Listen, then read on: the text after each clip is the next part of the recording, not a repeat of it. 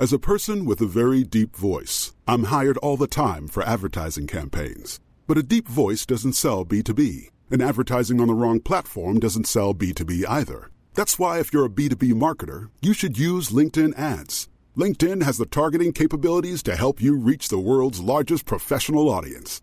That's right, over 70 million decision makers all in one place. All the big wigs, then medium wigs, also small wigs who are on the path to becoming big wigs. Okay, that's enough about wigs. LinkedIn ads allows you to focus on getting your B2B message to the right people. So, does that mean you should use ads on LinkedIn instead of hiring me, the man with the deepest voice in the world? Yes. Yes, it does. Get started today and see why LinkedIn is the place to be to be. We'll even give you a $100 credit on your next campaign. Go to linkedin.com slash results to claim your credit. That's linkedin.com slash results. Terms and conditions apply.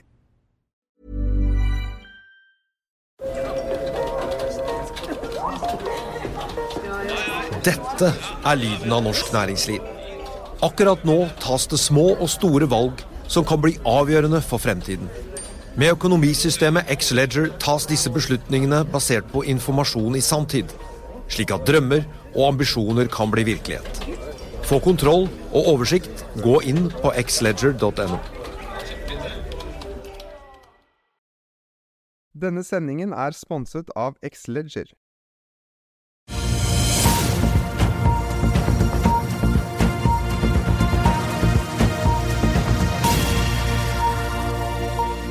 En riktig god morgen og velkommen til Børsmorgen her hos oss i Finansavisen denne fredagen. Mitt navn er Benedikte Storm Bamvik, og med meg er aksjekommentator Karl Johan Molnes. Med oss har vi også administrerende direktør i Omda, Sverre Flatby. Men først skal vi ta en kjapp titt på Oslo Børs, som endte gårsdagen med en nedgang på 0,57 Og I dag så venter Nordnett-analytiker Roger Berntsen og DNB Markets at Oslo Børs vil åpne opp 0,2 på Wall Street i går så endte de tre hovedindeksene opp med en relativt flat utvikling etter å ha ligget i rødt terreng store deler av handelsdagen. Blant enkeltaksjer passerte Microsoft i et lite øyeblikk Apple som det mest verdifulle børsnoterte selskapet for første gang siden 2021. Den tiårige amerikanske statsobligasjonsrenten endte uendret på 3,985% mens fryktindeksen VIX steg i løpet av dagen så mye som 6,5% etter at dagens inflasjonsrapport kom inn litt sterkere enn ventet. Den falt derimot noe tilbake i løpet av kvelden. Det er også blandet i Asia og i stillehavsområdet fredag morgen, men i Tokyo så fortsetter rekordrallyet der Nikkei stiger nye 1,3 til det høyeste nivået siden 1990. Hang Seng i Hongkong og Kospi i Sør-Korea er derimot ned i løpet av morgentimene. Når det gjelder oljeprisen, så har den klatret med 0,87% siden midnatt, og et fat nordsjøolje koster nå 79 dollar og 1 cent. Mens eh, amerikansk lettolje er opp nær 1 til 73 dollar og 58 cent. Spenningen i Midtøsten har gitt støtte til oljeprisen den siste tiden, og dette fortsetter fredag etter at USA og Storbritannia natt til fredag utførte et omfattende luftangrep mot Huti-opprørere i Jemen som et svar på angrep på skip i Rødehavet. Opprørerne lover hevn og ber USA og Storbritannia om å forberede seg på å betale en høy pris. Utenriksminister Espen Barth Eide mener det er stadig mer grunn til bekymring for storkrig i Midtøsten-regionen etter nattens angrep.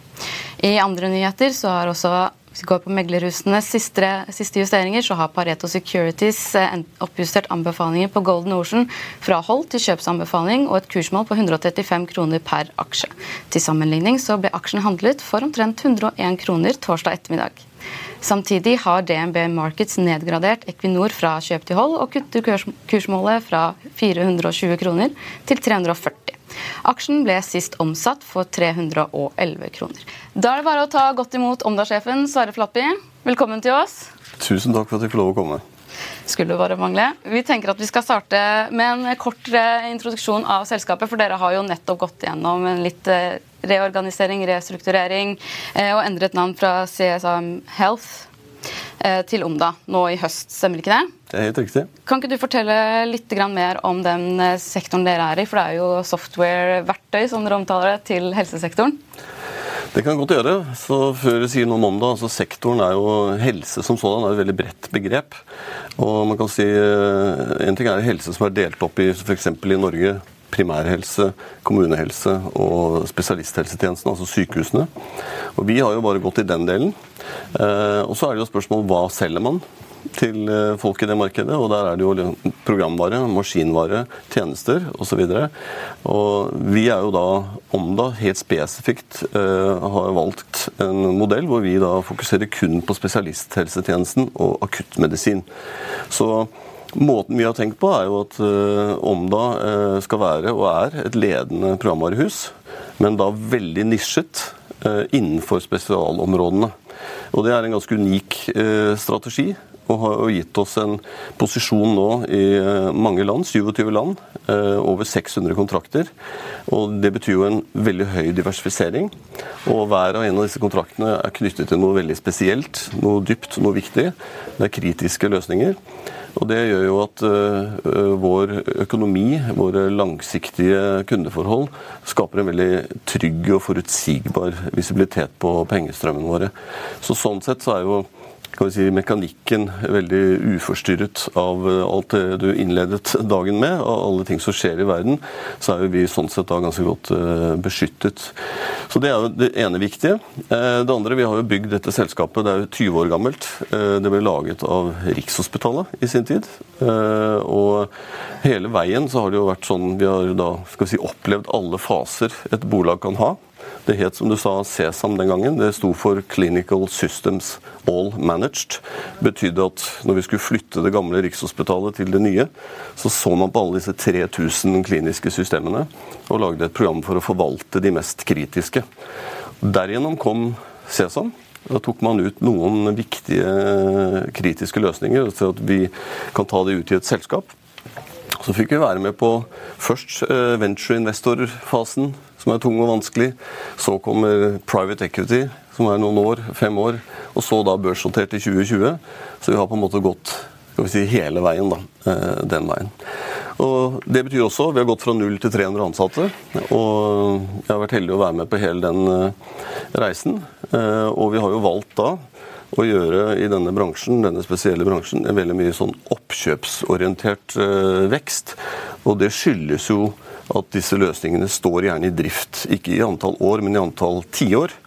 Eh, og det gjør jo at eh, det er vanskelig å skal vi si, gjennom eh, skal vi si, tenders, altså å prøve å selge så veldig mye. Så veksten i markedet, som er sånn 10-12% det er vanskelig å slå den på organisk vekst. Derfor valgte vi da en modell, kombinasjon organisk vekst, og oppkjøp av tilsvarende kritiske løsninger. Mm. Og Vi kommer jo litt tilbake til M&A-strategien deres og børsnoteringen i 2020. Men først så tenkte jeg at du kunne fortelle litt om eh, hva er eh, produktmiksen dere har unnad under selskapet? Altså, vi har delt opp, vi har mange produkter, men vi har vi si, syv produktområder, forretningsområder. og si jo, Mange av de er veldig komplekse, men de er veldig typisk nisjet og spesialisert. Og Det er kanskje en god idé å ta et par eksempler for å forstå liksom, hva er det den, eh, den, type produkt gjør for eh, pasienten, og for samfunnet og for sykehusene. Så hvis vi tar et eksempel, Medication management, som vi kaller det. Eh, det er jo da et område som driver med software for, for å understøtte kreftbehandling, og primært da medikamentell kreftbehandling. Og Som eksempel da på en verdikjede innenfor det, med produkter og komponenter, så er det jo da skapt algoritmer av forskere for å regne ut den beste kuren for deg om du får kreft. Det håper jeg du ikke får. Eh, og så er det da onkologen som anvender de algoritmene sammen med en del input-data for å skape en helt rett kur for deg, individuelt for deg. Og så er det jo da å distribuere den bestillingen til et apotek som produserer den kuren, og har løsninger for å håndtere det og tilbake til den som administrerer kuren på sykehuset og gir den til pasienten. Og til slutt pasientens app for å kunne da samhandle, få informasjon eller fortelle at jeg spiser dårlig eller jeg har tatt tabletten, ikke tatt tabletten. Og summen av det der, innenfor det veldig spesialiserte nisjeområdet, innenfor kreft, innenfor medikamentell kreftbehandling, så er det en egen og små verdikjeder. Og det kjennetegner egentlig alle våre forretningsområder, at de, de utvikler seg den veien. Og det gjør jo at kan vi si, disse blir satt fast som kritiske komponenter som gjerne har med liv og død å gjøre, og gjør at da, derfor disse sjelden byttes ut. Da, og som har gjort at vi får denne mange tiår med repeterbare inntekter og nesten uten kundefrafall. fordi det er jo ikke noe business case for kundene å bytte ut sånne løsninger fordi de har så viktig rolle. Så det er ett eksempel. Jeg har mange flere, eh, så jeg kan godt bruke tre kvarter på dem. Vi kunne kanskje tatt ett eksempel til. Vårt største område er jo da uh, emergency, eller altså da kan si akuttmedisin, uh, prehospitale tjenester. Der er jo litt tilsvarende, helt likt skal vi si, mekanikken rundt en verdikjede. Og da kan du tenke deg calltakeren, den som tar telefonen, 911, og skal på en måte sørge for å i løpet av få sekunder, helst millisekunder, ta en riktig beslutning. Og så har du da transport digitalt til den som da tar oppdraget, en ambulansesjåfør softwaren til ambulansesjåføren er ikke likegyldig. Det er ikke bare et kart. Du må kjøre rett, du må vite om ting. Om det er 17. mai, om det er en bom osv. Det er mange ting. Og så har du bak i bilen, veldig viktig, det er jo eh, kritisk informasjon. Ofte veldig, veldig kritisk for pasient. Og det å da kunne prepare for at du kjører bilen til akuttmottaket og overfører informasjon eh, som er da well prepared og helt eh, måte, som ikke til å misforstå, den verdikjeden Eh, er på en måte et annet eksempel. Og Da har vi utvidet gjennom oppkjøp den verdikjeden, f.eks. ved noe vi kalte, kaller Optima, som er en, eh, si, en, en mer AI-like analytisk motor som hjelper management for alle de som har ambulanser. F.eks. en kunde i USA. Hvis du har flere hundre ambulanser, kan du gjøre samme jobben med 10% færre ambulanser ved å optimalisere driften, f.eks. Så dette er litt så typisk skal vi si, høy grad av nisje, men samtidig inni hver nisje har du produktområder, produktmoduler, som kan integreres, og som in the end også integreres med disse store systemene, som er generelle, som vi ikke holder på med. Sånn som Dips i Norge eller Epic i Trondheim. Eh, den type ting. De integrerer vi med, og ikke konkurrerer med. Det er på en måte the, the game. Hvem er kundene deres? Per i dag praktisk talt alle regioner i Norden. Eh, og eh, vi har jo da begynt Vi begynte forsiktig når vi var børsnotert med 2% utenfor Norden. Nå er vi jo tidobla det, for å si det sånn. Eller 20 av kundene våre er utenfor Norden. Så det har blitt en, si, en reise hvor eh, vi ser at disse denne type produkter og nisjer at det er ganske likt. Vi var innom det før sending i dag, om blod følger blodstrømmen og ikke pengestrømmen. Det er jo ganske likt, da. Og en kreft i Zambia er den samme som en kreft i Oslo. Eh, så det er litt det vi har tenkt, da. At det globale markedet vi er i, gir oss en trygghet både i vekst og i måten disse spesialistsystemene ikke byttes ut på over tid. Jeg ser jo her at uh, Siden det gikk på børs, da, så har omsetningen vokst fra, fra 230 millioner til at, dere forventer 500 millioner. Analytikerne forventer 500 millioner. Så Er det vekst gjennom oppkjøp, eller er det organisk oppkjøp uh, ved at dere har funnet måter å, å ekspandere i utlandet på uten oppkjøp? Altså Vi har jo forsøkt eh, skal vi si, organisk vekst, komme fra Norge, eksportere eh, programvare. Men som jeg nevnte når det gjelder egenskapene ved systemene, som gjerne da er der i mange tiår ofte, så er det vanskelig eh, å få en vellykket startup fra å starte et kontor, selge software. Så det vi har gjort i alle tilfellene nå. Vi gjorde en test i England for si, 12-15 år siden på å bare selge software som er norsk, men det var ingen suksess. Så det vi har gjort, gått 100% inn for å gjøre oppkjøp når vi skal eh, få eh, løsninger og kunder andre steder. Og Måten vi gjør det på da det, det eksempelet jeg nevnte nå sist om Optima, da, som var en, eh, et oppkjøp fra R1 i USA, som var en liten business hos dem, lite viktig hos dem, viktig for oss. Når vi får tak i den, så kan andre av våre kunder få nytte av den samme komponenten. Og det er egentlig den måten vi da har tenkt å gjøre det på videre også. Kombinasjon av oppkjøp og organisk vekst på eksisterende kunder med eksisterende løsninger, som får litt add-ons, og kanskje nye løsninger, sånn som dette Optima som et eksempel. da. Ja, alle land har jo forskjellige helsesystemer. Eh, og Det gjør jo at det er naturlig å ha forskjellige løsninger i hvert enkelt land. Men eh, hvordan klarer du å skape stordriftsfordeler da mellom landene og det er så forskjellig? Eh, hvor, hvor, mye klarer du å vokse da før at det blir et problem å holde orden på alt, alle de forskjellige systemene? Nei, altså jeg tror Vi har vært heldige som har valgt en strategi hvor vi da fokuserer på disse spesialløsningene som er knyttet til menneskekroppen og i stor grad handler om noe som er globalt. Sånn at Når du integrerer det med, med det, sånn som Epic i Danmark eller om, om det er et, et spansk journalsystem i Valencia, så er det egentlig ikke noe så, så veldig stor forskjell. Så, så, måten vi har gjort det på, eh, gjør jo at eh, det business-casen de har ved å ikke bytte de ut, eh, fordi de er på en måte inngrodd i de arbeidsprosessene de har, det er på en måte gjør at det er en fordel for kunden å fortsette. Eh, og det er en fordel for oss å ha kundene over så lang tid. Det er forutsigbart. Og de har ofte nye behov. En integrasjon. Kanskje de kjøper et nytt system som skal integreres, eller et apparat som skal integreres. Så den symbiosen der, den er egentlig uavhengig av hvilket land du er i. Fordi du har behovet for å løse disse tingene. Kreftbehandling er et uh, eksempel. Vi har blitt uh, de facto standard i Sverige på det. Nesten alle regionene i Sverige bruker det. Uh, og det er ingen grunn til at ikke den løsningen skal kunne anvendes hvor som helst. Selv om de har helt forskjellige helsesystemer. Og du har rett i det. Norge og Sverige f.eks. er helt forskjellig organisert. Men de tingene som er kroppsnære, sånn som kreftbehandling f.eks., de kan vi bruke eksakt det samme produktet med små tilpasninger. Hvis vi ser litt på det som skjedde i høst, for da var det jo eh, i løpet av fjoråret egentlig, så har jo dere implementert en ny eh, kostnadsprogram, reorganisering av selskapet. Hvorfor satte dere i gang eh, det? Altså, vi har jo eh, bygd et uh, selskap som egentlig har to ting. Uh, det var jo det ene med organisk vekst og løsninger som er i drift, og det andre er disse oppkjøpene. Og Det vi gjorde når vi ble børsnotert, var jo to ting. egentlig. Det var å si at vi, vi starter en oppkjøpsvolum som vi, vi, tenker vi har en del i pipeline som vi mener er riktig for oss. Og Da gjorde vi fem oppkjøp ganske raskt etter hverandre.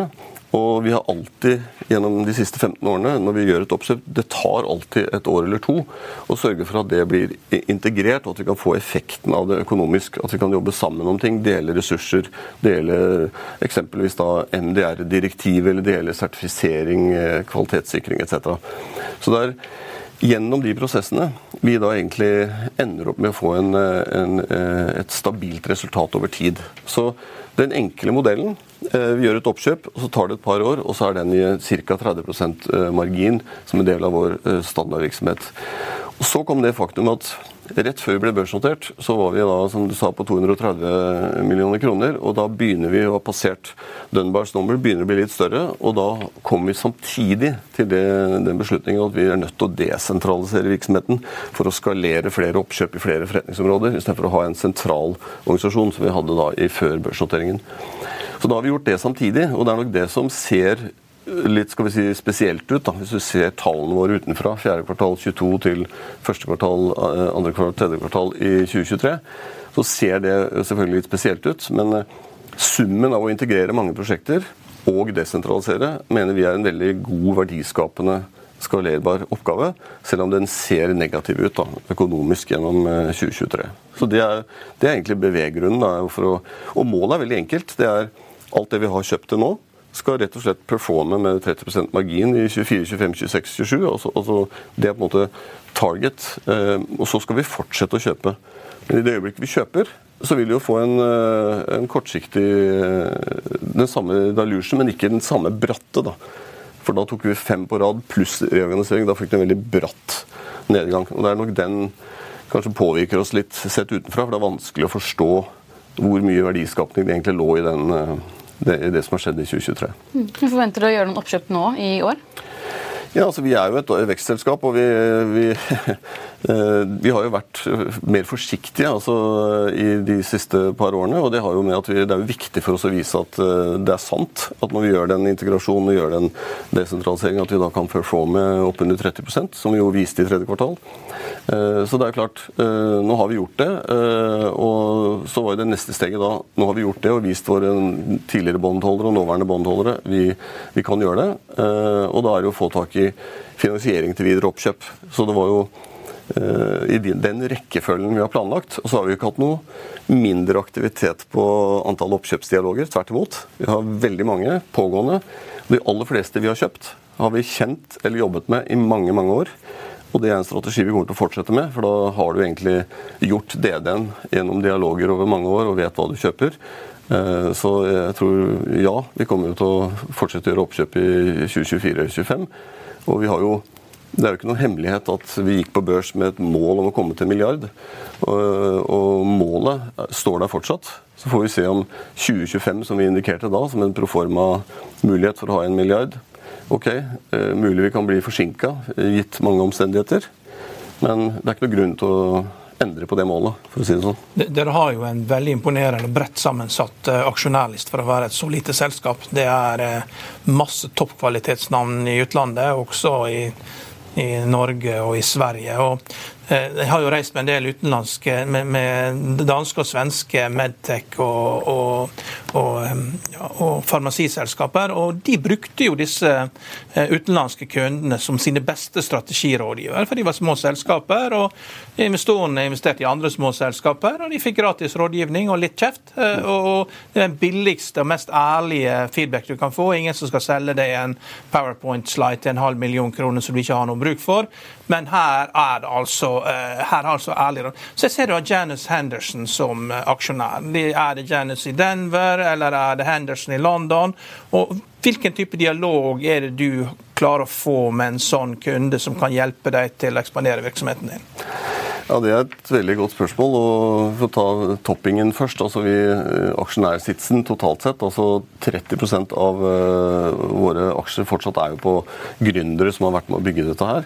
Og av den resten av kaka så er jo 40% angloamerikanske høykvalitetsaksjonærer. Uh, og det er jo riktig det at vi føler også at vi har fått veldig mye, jeg vil ikke bare si råd, men også opplæring.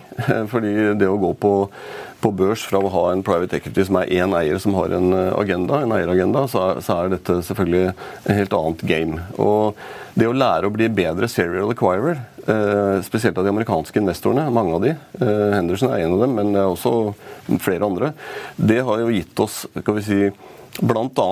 denne reorganiseringen, som vi kanskje jeg burde kanskje gjort før. Men det, er, det skyldes nettopp en sånn type dialog. At de sier at vi, har, vi er aksjonærer i mange andre vellykkede serial acquirers, og skal dere lykkes med skalering, så må dere gjøre det slik. Eh, så du har helt rett. Eh, og sånn sett kan du si jeg tror det er en av de viktigste grepene vi gjorde, den, som følge av en dialog faktisk med den type investorer. Så, så det har vært som du sier, en, en enorm fordel for oss å ha så mange long-hold investorer som liksom buy and hold forever.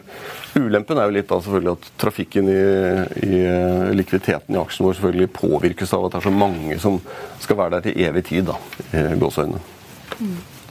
Hvis du ser litt på reisen eh, på Oslo Børs, for dere ble jo børsnotert høsten 2020. Mm. Det var jo en del av de mange selskapene som ble notert på Euronext Growth. Da hadde jo en markedsverdi på halvannen milliard, stemmer ikke det? Jo. Det har falt litt tilbake siden sist, men så har du startet med restrukturering osv. Men hvordan, eh, hva er planene for å snu denne interessen nå? For nå ser jeg at uh, markedsverdien ligger vel på 719 millioner, mm. så det er, mm. nesten, det er en halvering. Ja. Mm. Hvordan planlegger du å snu det her og få tilbake investorinteressen? Ja, Det er et veldig godt spørsmål. og det er klart eh, Med så mange gode som er long hold, så er de der uansett. Du kan si Det er jo en liten del som eh, er der, men vi trenger selvfølgelig å, å gjøre det. Jeg kan jo gjøre flere ting, f.eks. som dette her, og forklare hva det egentlig er for noe. Eh, men det er klart, oppgaven vår er jo ikke knytta til aksjekursen, men til å drive den butikken riktig. Og da er det bare to ting å gjøre riktig. Det ene er å sørge for at det vi har sagt om å performe jevnt omkring 30% helt stabilt på nåværende virksomhet, det er det ene. Ikke nødvendigvis eksakt det hvert kvartal, men over, over, snitt de neste tre årene så er det det som bør være helt uh, ordinært. Det er det ene. Det må vi gjøre. Det andre er jo selvfølgelig at oppkjøpene vi gjør, skal ha de samme karakteristika og ha en god kontantstrømsanalyse i forkant. som sørger for at vi ikke kjøper noe galt. Altså Vi kjøper bare de samme type nisjeløsninger med gode, repeterbare inntekter. Legger det på og tar ut effekten over to år. Så jeg tror det er mye enklere for oss nå, da, etter desentraliseringen, er jo faktisk å vise at du får en liten dilution når du gjør et oppkjøp, fremfor å gå denne veldig veldig bratte bakken da, som har en engangshendelse, sammen med fem oppkjøp. Så, så, det er klart, jeg tror det er det som skal til.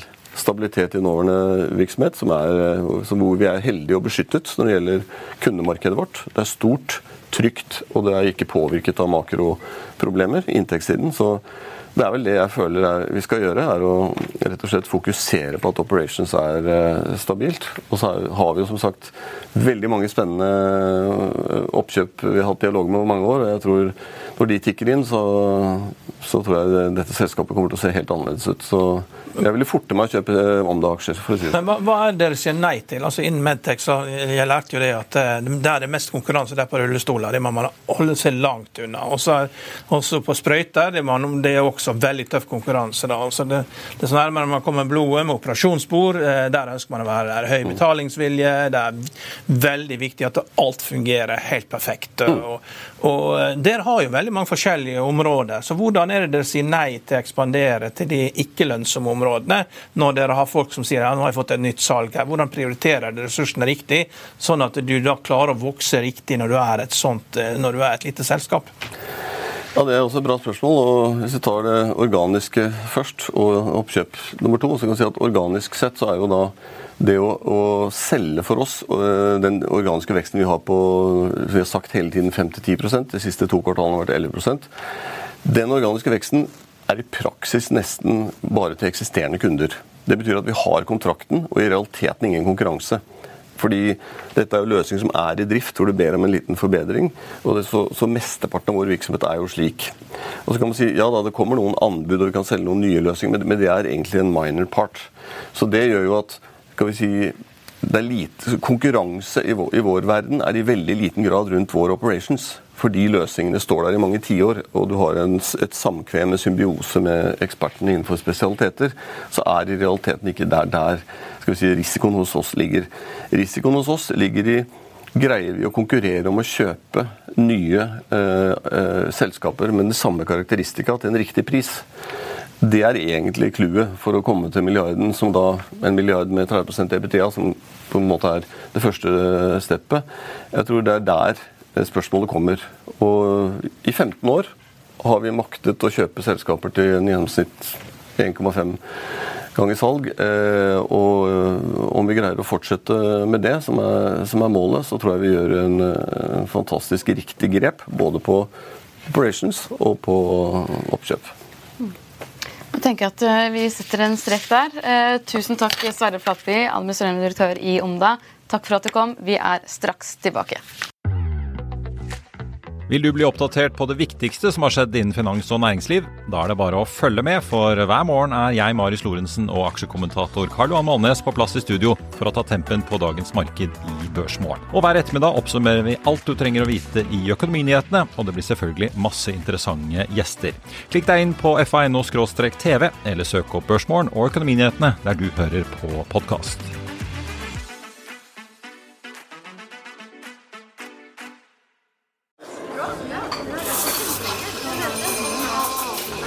Dette er lyden av norsk næringsliv. Akkurat nå tas det små og store valg som kan bli avgjørende for fremtiden. Med økonomisystemet X-Leger tas disse beslutningene basert på informasjon i sanntid, slik at drømmer og ambisjoner kan bli virkelighet. Få kontroll og oversikt, gå inn på xledger.no. Denne episoden er sponset av van Brun, en fremtredende smykkeforhandler kjent for sitt brede utvalg av forlovelsesringer, gifteringer og diamantsmykker som bæres og elskes i generasjoner. Et frieri er en av de største øyeblikkene i livet, hvor forlovelsesringen er et tidløst symbol på kjærligheten. Valg av ring krever omtanke for både hvilket metall og diamant, med et bredt spekter av både naturlige og labdyrkede diamanter, og metaller som platina, gult gull, hvitt gull og roségull, hjelper de deg med å sette et personlig preg på din kjærlighetshistorie. Van Brun vil gjerne invitere deg til å prøve på tre av dine favorittringer fra nettsiden helt kostnadsfritt. Du kan også låne et bredt spekter av frieriringer, slik at du og din forlovede kan velge en ring sammen etter det store ja. Van Brun tilbyr 90 dagers åpent kjøp og 90 dagers gratis størrelsesjustering. Utforsk deres eksklusive sortiment i luksuriøse omgivelser. Bok en konsultasjon sammen med en diamantekspert i deres showroom i Oslo. Eller online på vanbrun.com. V-a-n-b-r-u-u-n.com. Skal vi se, Karl Johan, Du skrev jo til i dagens avis om de nye krypto-EFT-ene som ble godkjent i USA. Eh, kan ikke du fortelle litt mer om hva som du skriver om i denne? For du sier at Det gir en massiv konkurranse blant eh, kryptokundene her. Det gir en enorm økning i tilbudet. Og, mm. og Dette er jo ikke noe som Verdipapirtilsynet altså CCC har ønska, men det var et fond der som heter Grayscale, eh, Bitcoin Trust. og de, Man klarte ikke å stoppe de da, til å få rettigheten til å omdanne seg til ETF. Men så gjorde man det sånn at når de da fikk lov til det, så ga man også rettigheten til ti andre. Og da har du plutselig eh, BlackRock, og du har Invesco og du har Fidelity med gratis eh, kurtasje. Og Det er bare å se på filmen hva som har skjedd med aksjefond og hva som har skjedd med aksjemeglere. og eh, ETF-en har spist veldig mange jobber. og eh, Det var jo veldig lønnsomme jobber. Eh, og Kryptobørsene de er jo enormt ulønnsomme og tar enormt høye fis, så de kommer til å bli knust av dette her. Og så er spørsmålet, Det neste spørsmålet da er jo altså Myndighetene gjør jo alt de kan da for å prøve å rydde opp i dette. her. De eh, startet offshorebørsen. Jeg vet ikke hvem som starta offshorebørsen eh, FTX, men det er iallfall ikke Sam Bankman-Fried alene. Det, det, ser helt, det, det, ser ut som en sånn operasjon som er starta av en trebokstavsorganisasjon i USA eh, for å ta ned hele offshore-krypto og, og, og, monopolisere det og, og, få det samme Binance. Nå har de også fått eh, gitt Binance en bot. Binance hadde 100 000 eh, mistenkelige transaksjoner, og de gjorde transaksjoner for alle terrororganisasjoner som man kjenner til. Eh, så det er, helt klart at du kan ikke ha en situasjon hvor at du har store banker som DNB som har 1000 ansatte, som sitter på med anti, holder på med sånn eh, anti-money laundering og know your client, og, og, mens dette her skal få lov til å seile fritt. Så det, sakte, men sikkert så kommer de til å ta tak i hælene på dette her, og, og da er jo eh, det første som skjer er jo med, med bitcoin ETF-er, det, gjør jo, det er jo gratis kurtasje. Altså, jeg skjønte jo at det kom til å skje, så jeg skrev jo det før at jeg så at Fidelity De hadde i utgangspunktet da 0,39 eh, kurtasje, så 0,25, men jeg skjønte jo at den dagen de lanserte, så bare kutta de kurtasjen de første seks månedene, og det har også alle de store gjort. Så første dagens handel, da, så ser det ut som at Grayscale har fått eh, stor omsetning, men det er jo bare konvertering av konvertering fra aksjefond til ETF. Og det er de store som dominerer dette. Og Kurssvingningene har vært helt crazy, akkurat som det skal være med bitcoin. Noen er opp med 2 andre er ned med 6% for det samme produktet. Det kan ikke vare ved. Så her eh, vil man bli sittende igjen med en tre-fire av disse her, og, og, så vil myndighetene da komme med stadig nye reguleringer i hælene på dette her for å sørge for å få bort eh, hvitvasking og for å få bort at alle skal kjenne sine kunder. Da.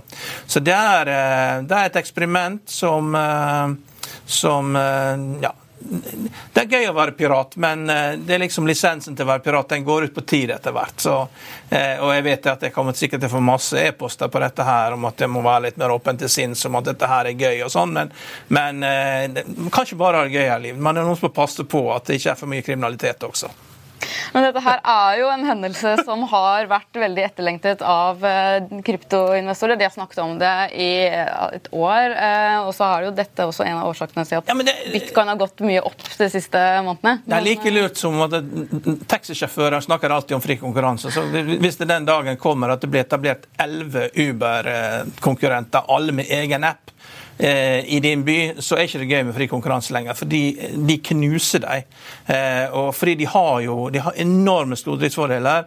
Og de andre her, altså kryptobørsen Coinbase, var, det var lekbutikk. I fjor så tapte de 1,5 eh, milliard dollar. Nå ligger de an til å tape 170 millioner dollar. Du har Robin Hood som ligger på jevne tap på ja, 2 milliard dollar, 1 milliard dollar, halv milliard dollar. Disse her de leker butikk. Dette er nullrenteselskaper. De kommer til å bli borte. Hvis ikke de, hvis ikke de finner på noe helt annet å, å gjøre. Altså, den lykkeligste transformasjonen er liksom Netflix når du går for diskett til streaming. Men de må gjøre noe annet. De eh, må finne på noe helt annet hvis de skal overleve. For bare det å være kryptobørs og ta veldig godt betalt, det er veldig vanskelig når andre kan handle gratis. Det er ikke så lett.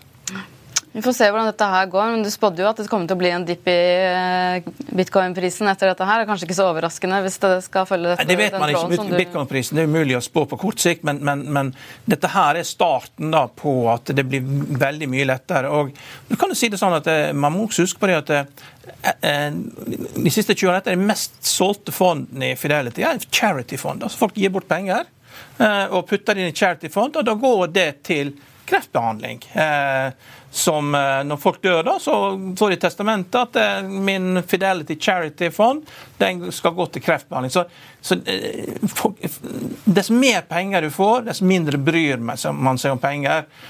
Og, og vi er ikke helt der ennå at det er alle som har kommet dit at vi har, det, er, veldig mange som ikke har penger, og det, det, skal man ta alvorlig. Men de aller rikeste har ennå ikke blitt så, så, rike at de ikke bryr seg. Men dess rikere man blir, dess mindre bryr man seg om dette. Hvis ikke man er superekorn og skal alltid drive og samle nøtter hele tiden. og aldri i seg. Det fins jo de også.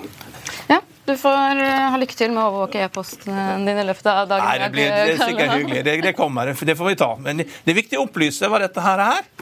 Eh, realitetsorientere folk, det er viktig.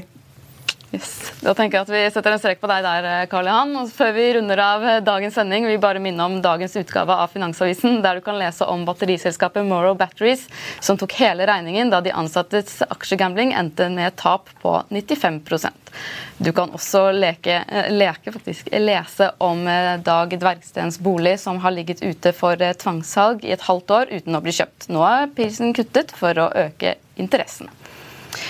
Eh, mer om dette og mye mye mer kan du lese om på fa.no, der du også vil få siste nytt fortløpende gjennom hele dagen. Husk å få med dere økonominyhetene senere i dag 13.30 og Aksjepodden senere, der investor Harald Espedal kommer innom podkaststudio.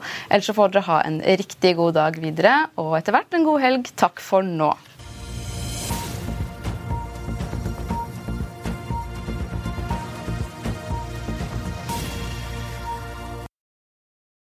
Denne sendingen er sponset av Xleger.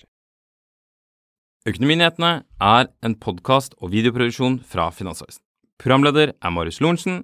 Aksjekommentator er Karl Johan Molnes. Produsent er Bashar Johar. Podkast- og videoansvarlig er Marius Mørk Larsen. Og ansvarlig redaktør er Trygve Hegnar.